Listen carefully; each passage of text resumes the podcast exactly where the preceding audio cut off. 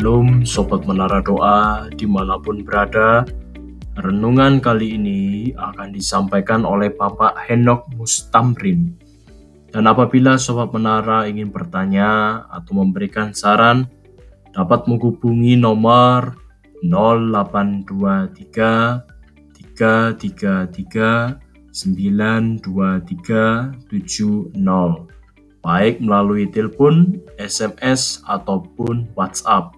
Nah, kalau begitu, sekarang kita akan mendengarkan renungan. Selamat mendengarkan.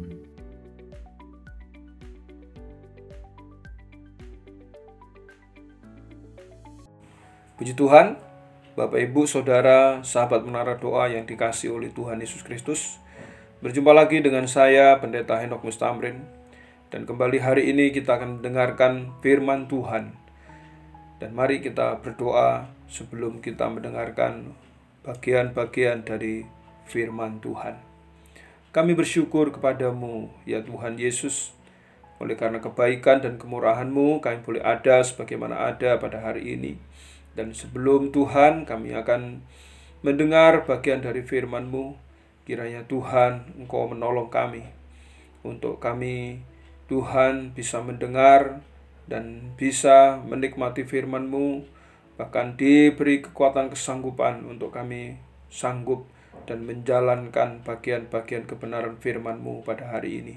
Suatu mari Engkau pakai kami, Engkau berkati kami, Engkau mengurapi kami, Tuhan, supaya kehendak dan rancangan Bapa melalui firman-Mu boleh Tuhan Engkau singkapkan buat kami pada hari ini.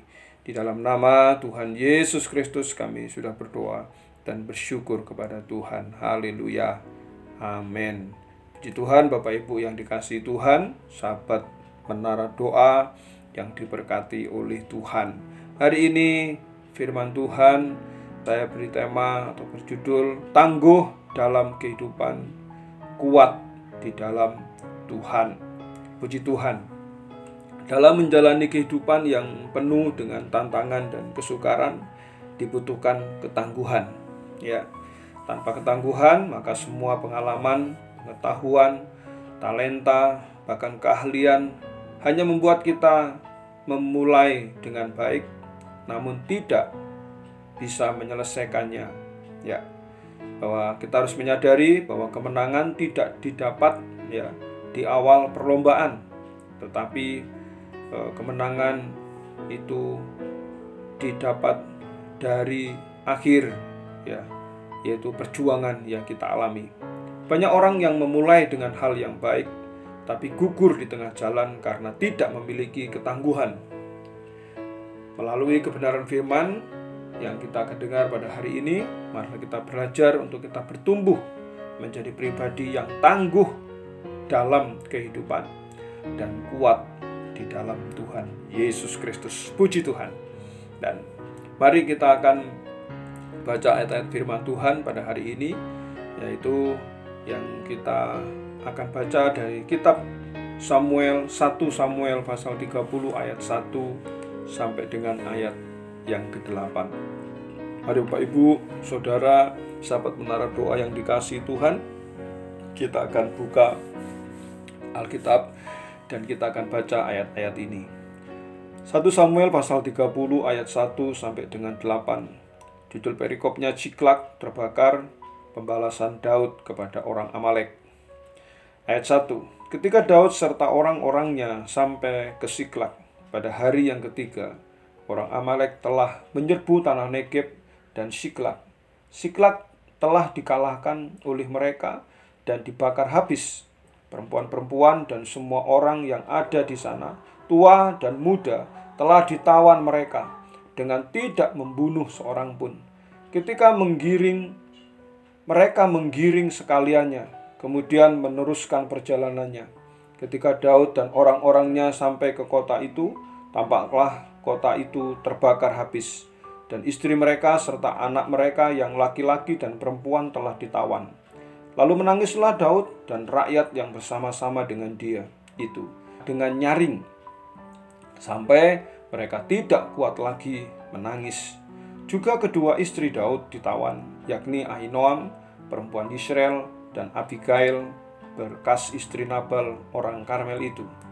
Dan Daud sangat terjepit karena rakyat mengatakan hendak melempari dia dengan batu. Seluruh rakyat itu telah pedih hati, masing-masing karena anaknya laki-laki dan perempuan. Tetapi Daud menguatkan kepercayaannya kepada Tuhan Allahnya. Lalu Daud memberi perintah kepada Imam Abiatar bin Ahimelek, "Bawalah efod itu kepadaku." Maka Abiatar membawa efod itu kepada Daud. Kemudian bertanyalah Daud kepada Tuhan, katanya, "Haruskah aku mengejar gerombolan itu?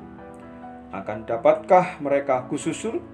Dan ia berfirman kepadanya, "Kejarlah, sebab sesungguhnya engkau akan dapat menyusul mereka dan melepaskan para tawanan. Amin. Puji Tuhan. Sampai di situ bacaan firman Tuhan dari 1 Samuel uh, pasal 30 ayat 1 sampai dengan ayat yang ke-8. Nah, dikatakan di sana bahwa Daud baru saja pulang dari negeri Filistin setelah dua tahun terakhir ia membantu Raja Akis dalam pertempuran melawan musuh-musuhnya. Setiap Daud maju berperang, dikatakan di sana bahwa Tuhan selalu memberi kemenangan kepadanya. Namun setelah para prajurit Filistin menolak ya kehadiran Daud dan orang-orangnya, Daud dan rakyat yang menyertainya pulang kembali ke kotanya, yaitu ke kota Siklak. Ya. Ketika Daud serta orang-orangnya sampai di Siklak pada hari yang ketiga, orang Amalek telah menyerbu tanah Negeb dan Siklak Siklak telah dikalahkan dan dibakar habis oleh orang Amalek. Perempuan-perempuan dan semua orang yang ada di sana, yaitu tua dan muda, telah ditawan mereka. Ya, termasuk kedua istri Daud, yakni Ahinom, yang perempuan Israel itu, dan Abigail. Ya, melihat keadaan yang demikian, maka menangislah Daud. Ya, bahkan rakyat yang bersama-sama dengan dia, ya, itu juga mereka menangis, bahkan dengan tangisan uh, yang nyaring. Ya, Bahkan dikatakan di sana bahwa mereka menangis sampai tidak kuat lagi untuk menangis.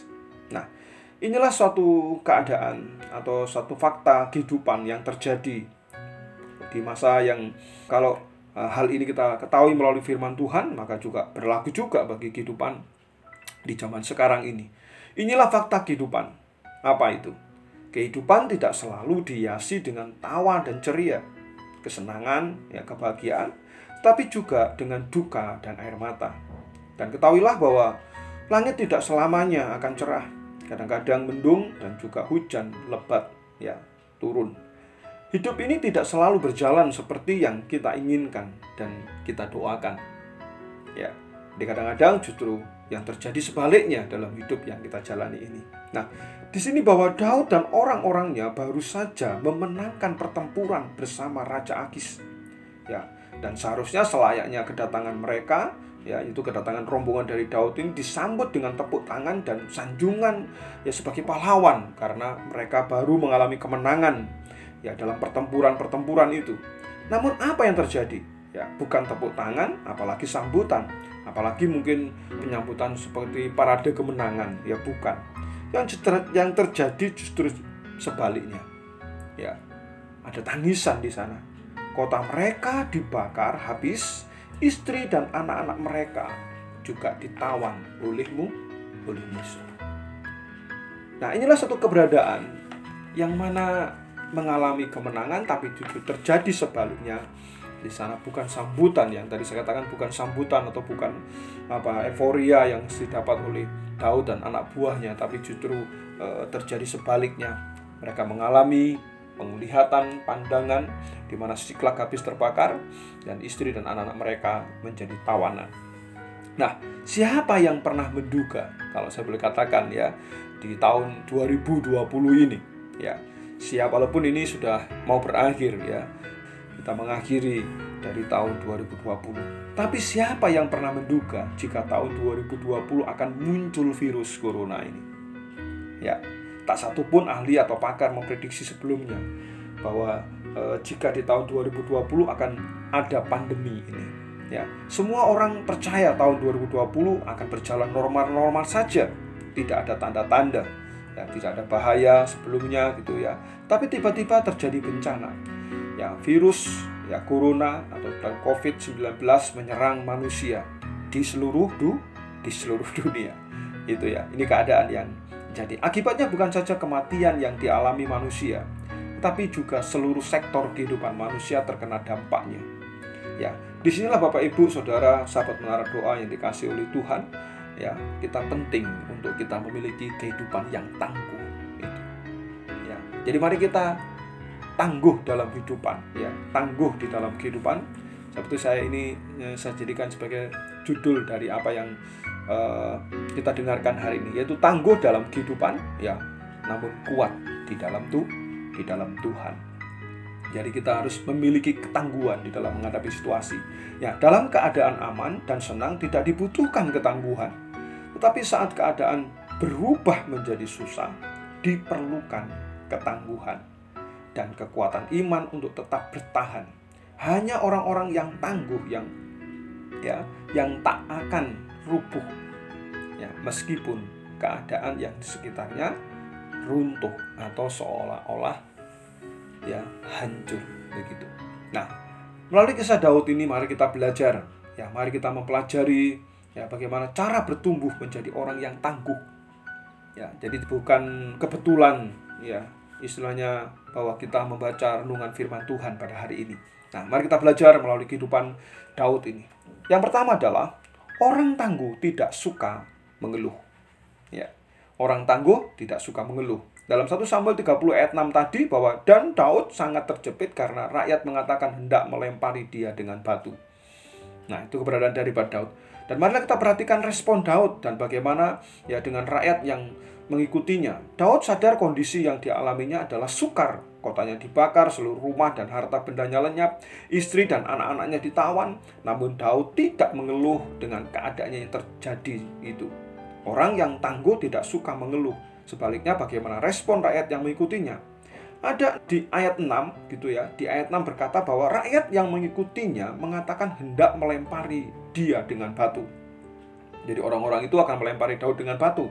Orang-orang yang mengikuti Daud mengeluh, mereka protes kepada Daud hingga hendak melempari Daud dengan batu. Seperti itu. Nah, hidup ini memang banyak kesulitan ya kesusahan, kesukaran, tapi jangan mengeluh sebab mengeluh justru semakin mempersulit hidup ini. Gitu ya. Jadi persoalan bukan untuk dikeluhkan, ya persoalan harus diselesaikan. Ingatlah bahwa keluhan tidak akan mengurangi beban yang kita hadapi, apalagi menyelesaikannya. Mengeluh hanya membuat beban yang kita pikul terasa berat. Mengeluh hanya membuat perjalanan hidup terasa makin sulit. Itulah sebabnya jangan penuhi hidup ini dengan mengeluh ya penuhi hidup ini dengan bersyukur kepada Tuhan itu ya bersyukur pada Tuhan. Nah ketahuilah bahwa orang yang suka mengeluh hanya menyalahkan keadaan dan orang lain. Lihatlah apa yang dilakukan oleh orang-orang yang menyertai Daud.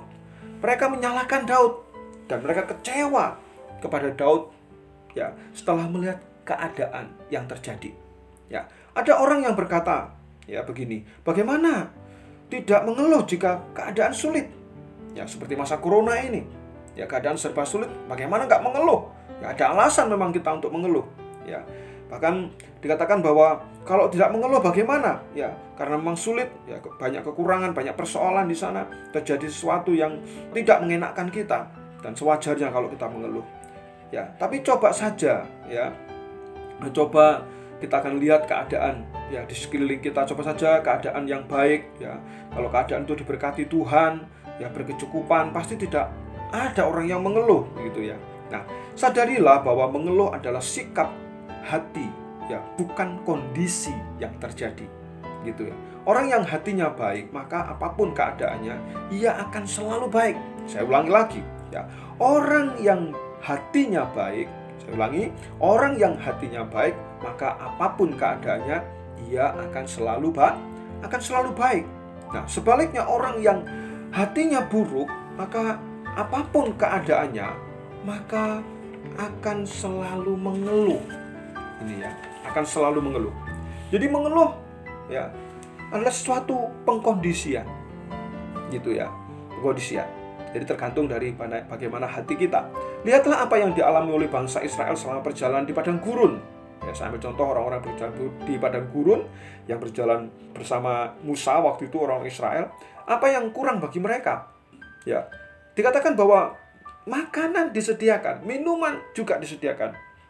Siang hari itu ditudungi dengan tiang awan dan malam hari disinari dengan tiang api. Ya, ingin daging diberikan Tuhan, burung puyuh. Semua tercukupi.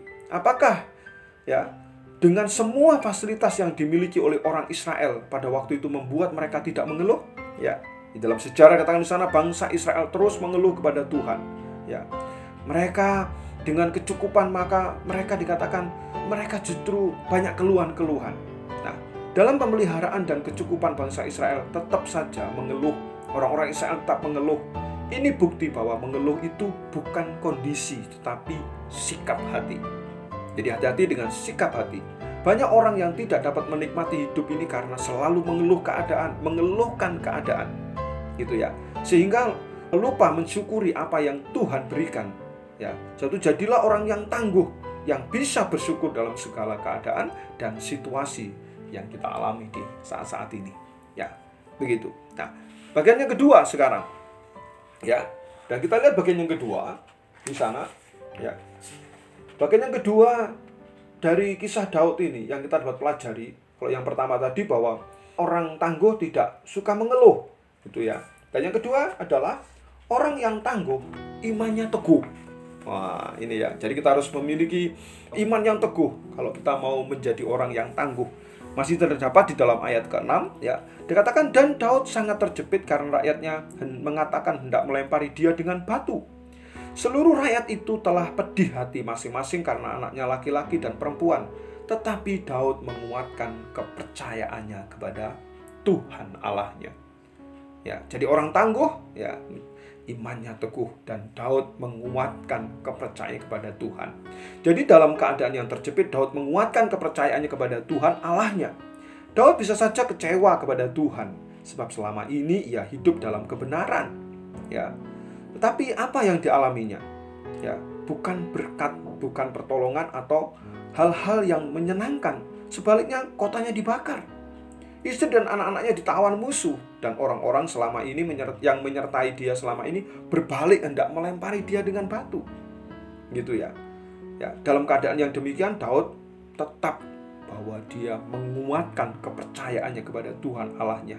Bahkan dia menguatkan kepercayaannya walaupun situasinya kurang baik di sana. Dan baga sekarang bagaimana dengan kita?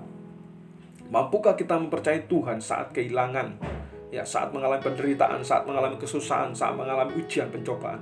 Apakah kita tetap percaya kepada Tuhan saat mengalami duka cita? Ya, apakah kita tetap beri, beriman saat keadaan suram? Ya, dalam masa yang sukar, Daud memilih untuk menguatkan kepercayaannya kepada Tuhan Allahnya. Ketahuilah bahwa iman itu bukan pemberian. Iman adalah keputusan untuk mempercayai Tuhan. Ya, jadi iman itu bukan pemberian. Kalau ada orang berkata atau firman Tuhan bahwa tambahkanlah iman, itu adalah sebuah keputusan. Tuhan memberikan iman tergantung dari keputusan yang kita ambil dalam kehidupan kita jalani. Coba Ibrani pasal 11 ayat yang ke-6. Tetapi tanpa iman tidak mungkin orang berkenan kepada Allah. Sebab barang siapa berpaling kepada Allah, ia harus percaya bahwa Allah ada dan bahwa Allah memberi upah kepada orang-orang yang sungguh-sungguh mencari Dia. Jadi sekali lagi ketika orang-orangnya kecewa dikatakan di sana karena keadaan yang terjadi, Daud memilih untuk tetap percaya kepada Tuhan Allahnya. Daud tidak tahu ke mana, ya, di mana keberadaan anak dan istrinya. Ya, orang-orang yang mengikuti Daud, anak buahnya juga tidak tahu ya keberadaan dari anak dan istri mereka dibawa ke mana. Tapi Daud percaya kepada Tuhan. Ya, dikatakan bahwa tetapi ia percaya kepada Tuhan. Ya, dan dikatakan dia mengetahui keberadaan mereka. Daud tidak mampu untuk menolong mereka. Ya, tetapi ia percaya bahwa Tuhan sanggup menolong mereka. Ini ya. Itulah sebabnya ia menguatkan kepercayaannya. Bahkan Tuhan berkuasa untuk menolongnya. Jadi Daud tak tahu apa yang dia buat untuk menolong orang-orang atau anak buahnya ini. Tapi Daud menguatkan kepercayaannya. Dia harus bagaimana dan harus apa yang diperkerjakan dia tidak tahu.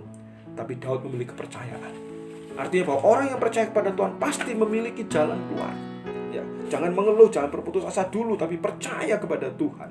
Nah, contoh lain dikatakan di sana. Ya, contoh lain juga ada Abraham. Ya, kalau kita perhatikan Roma pasal 8 18 ayat 20 sampai dengan 21, sekalipun tidak ada dasar untuk berharap, namun Abraham tetap berharap dan percaya juga ya bahwa Allah berkuasa untuk melaksanakan apa yang dijanjikan Tuhan. Yaitu mengenai apa? Mengenai perjanjian anak. Gitu ya. Gak ada alasan untuk Abraham percaya tapi Abraham tetap percaya kepada janji Tuhan. Yang berikutnya contoh berikutnya adalah kedua dalam Ayub. Ya, yang tadi kita lihat tentang Abraham sekarang Ayub. Nah, Ayub juga di dalam ayat pasal 23 ayat yang ke-10 karena ia tahu jalan hidupku seandainya ia menguji aku aku akan timbul seperti emas. Nah, ini kepercayaan daripada da, daripada Daud. Ya, orang-orang yang percaya dalam masa-masa yang suka dalam masa yang sulit seperti itu. Nah, yang ketiga, ya, yang ketiga kita akan lihat di sana, ya, bagaimana orang tangguh itu. Yang ketiga adalah orang yang tangguh itu bertanya kepada Allah sebelum melangkah. Ini. Jadi orang yang tangguh itu bertanya kepada Tuhan sebelum dia melakukan sesu, sesuatu. Ya. Dalam 1 Samuel 30 ayat 8 kemudian bertanyalah Daud kepada Tuhan katanya, "Haruskah aku mengejar gerombolan itu? Akan dapatkah mereka kususur?" Dan ia berfirman kepadanya, "Kejarlah, sebab sesungguhnya engkau akan dapat menyusul mereka dan melepaskan para tawanan. Inilah kunci kemenangan Daud. Di setiap pertempuran, Daud selalu alami kemenangan, sebab ia selalu bertanya kepada Allah sebelum ia melangkah. Daud tidak akan menemui musuhnya sebelum bertemu dengan Allah. Daud tidak akan bisa melawan musuhnya sebelum dia mendapatkan kekuatan daripada Allah. Ya, sebelum berjumpa dengan musuh, terlebih dahulu berjumpa dengan Allah Daud sadar bahwa kemenangan dalam pertempuran bukan ditentukan oleh banyaknya pasukan, tetapi oleh kuasa Tuhan. Oleh sebab itu, ia selalu memulai peperangan dengan bertanya kepada kepada Tuhan. Hidup di dunia ini penuh peperangan. Hidup dalam dunia ini penuh tantangan, perlu ujian dan pencobaan. Dan tentunya kita harus juga semakin banyak bertanya kepada Tuhan dari perjuangan-perjuangan kehidupan yang kita alami di muka bumi ini. Nah, di dalam 2 Samuel pasal 5 ayat 22 dan 23 ya, dikatakan bahwa ketika orang Filistin maju sekali lagi dan memencar ke lembah Refaim, maka bertanyalah Daud kepada Tuhan. Jadi soal pertanyaan ini Daud punya pengalaman, saudara-saudara, ya Bapak Ibu, dan sampai menaruh doa yang dikasih Tuhan, ya dia sering bertanya kepada Tuhan. Dikatakan bahwa oh, Daud bertanya kepada Tuhan, ya, dan ia menjawab, "Janganlah maju, tapi buatlah gerakan lingkaran sampai ke belakang mereka." sehingga engkau dapat menyerang mereka dari jurusan pohon-pohon kertau. Daud tak pernah gegabah, ya. Ia selalu bertanya kepada Allah sebelum melangkah.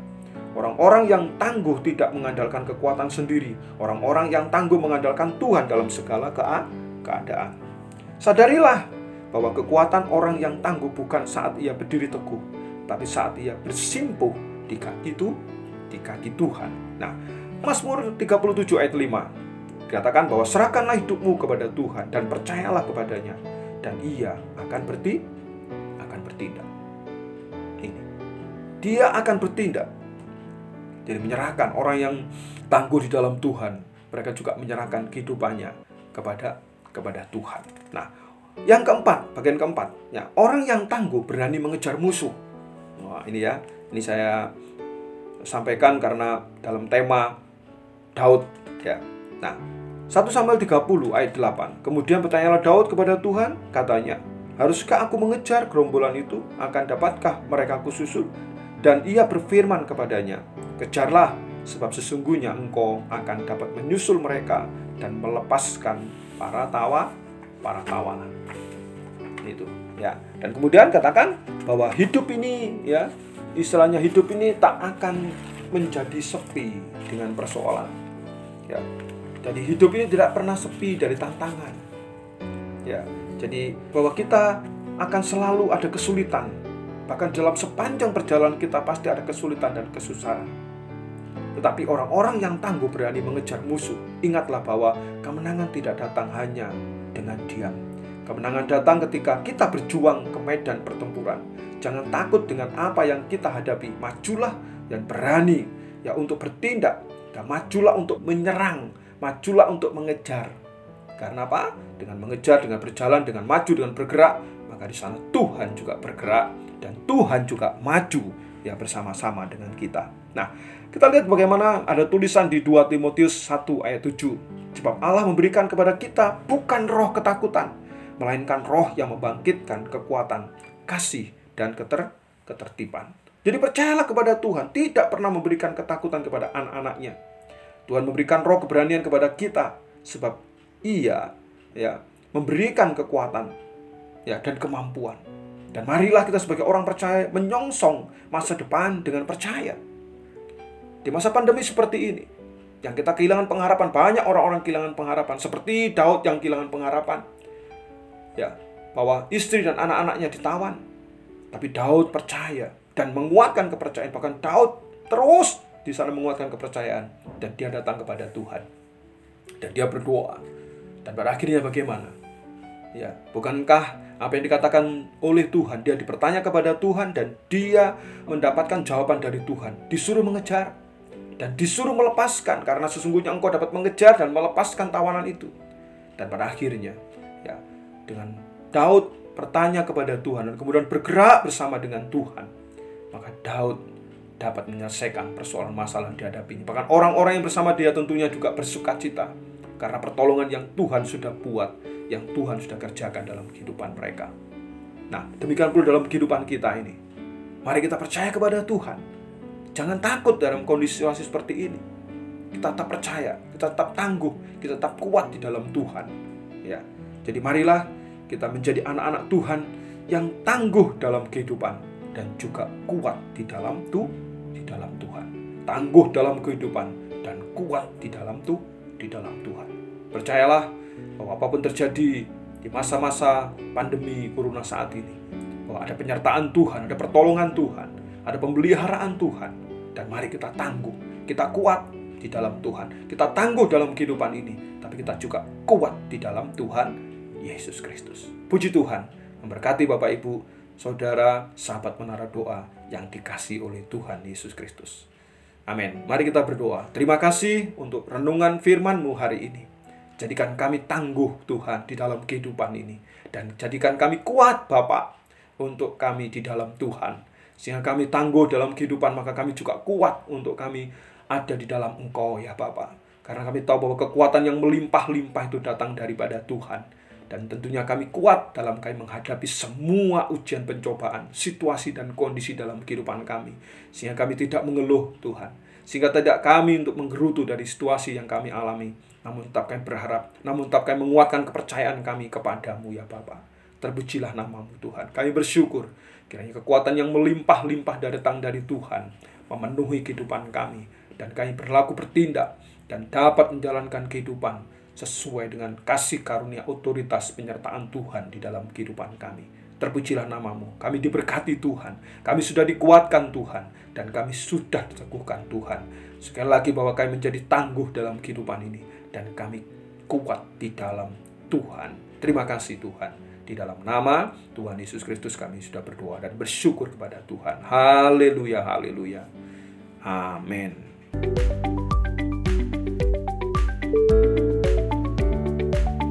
Terima kasih Sobat Menara Doa yang telah mendengarkan renungan kami. Apabila Sobat Menara ingin bertanya atau memberikan saran, dapat menghubungi nomor 0823 333 92370 baik melalui telepon, SMS, atau WhatsApp. Oke, Sobat Menara, sampai bertemu kembali di renungan selanjutnya. Tuhan Yesus memberkati.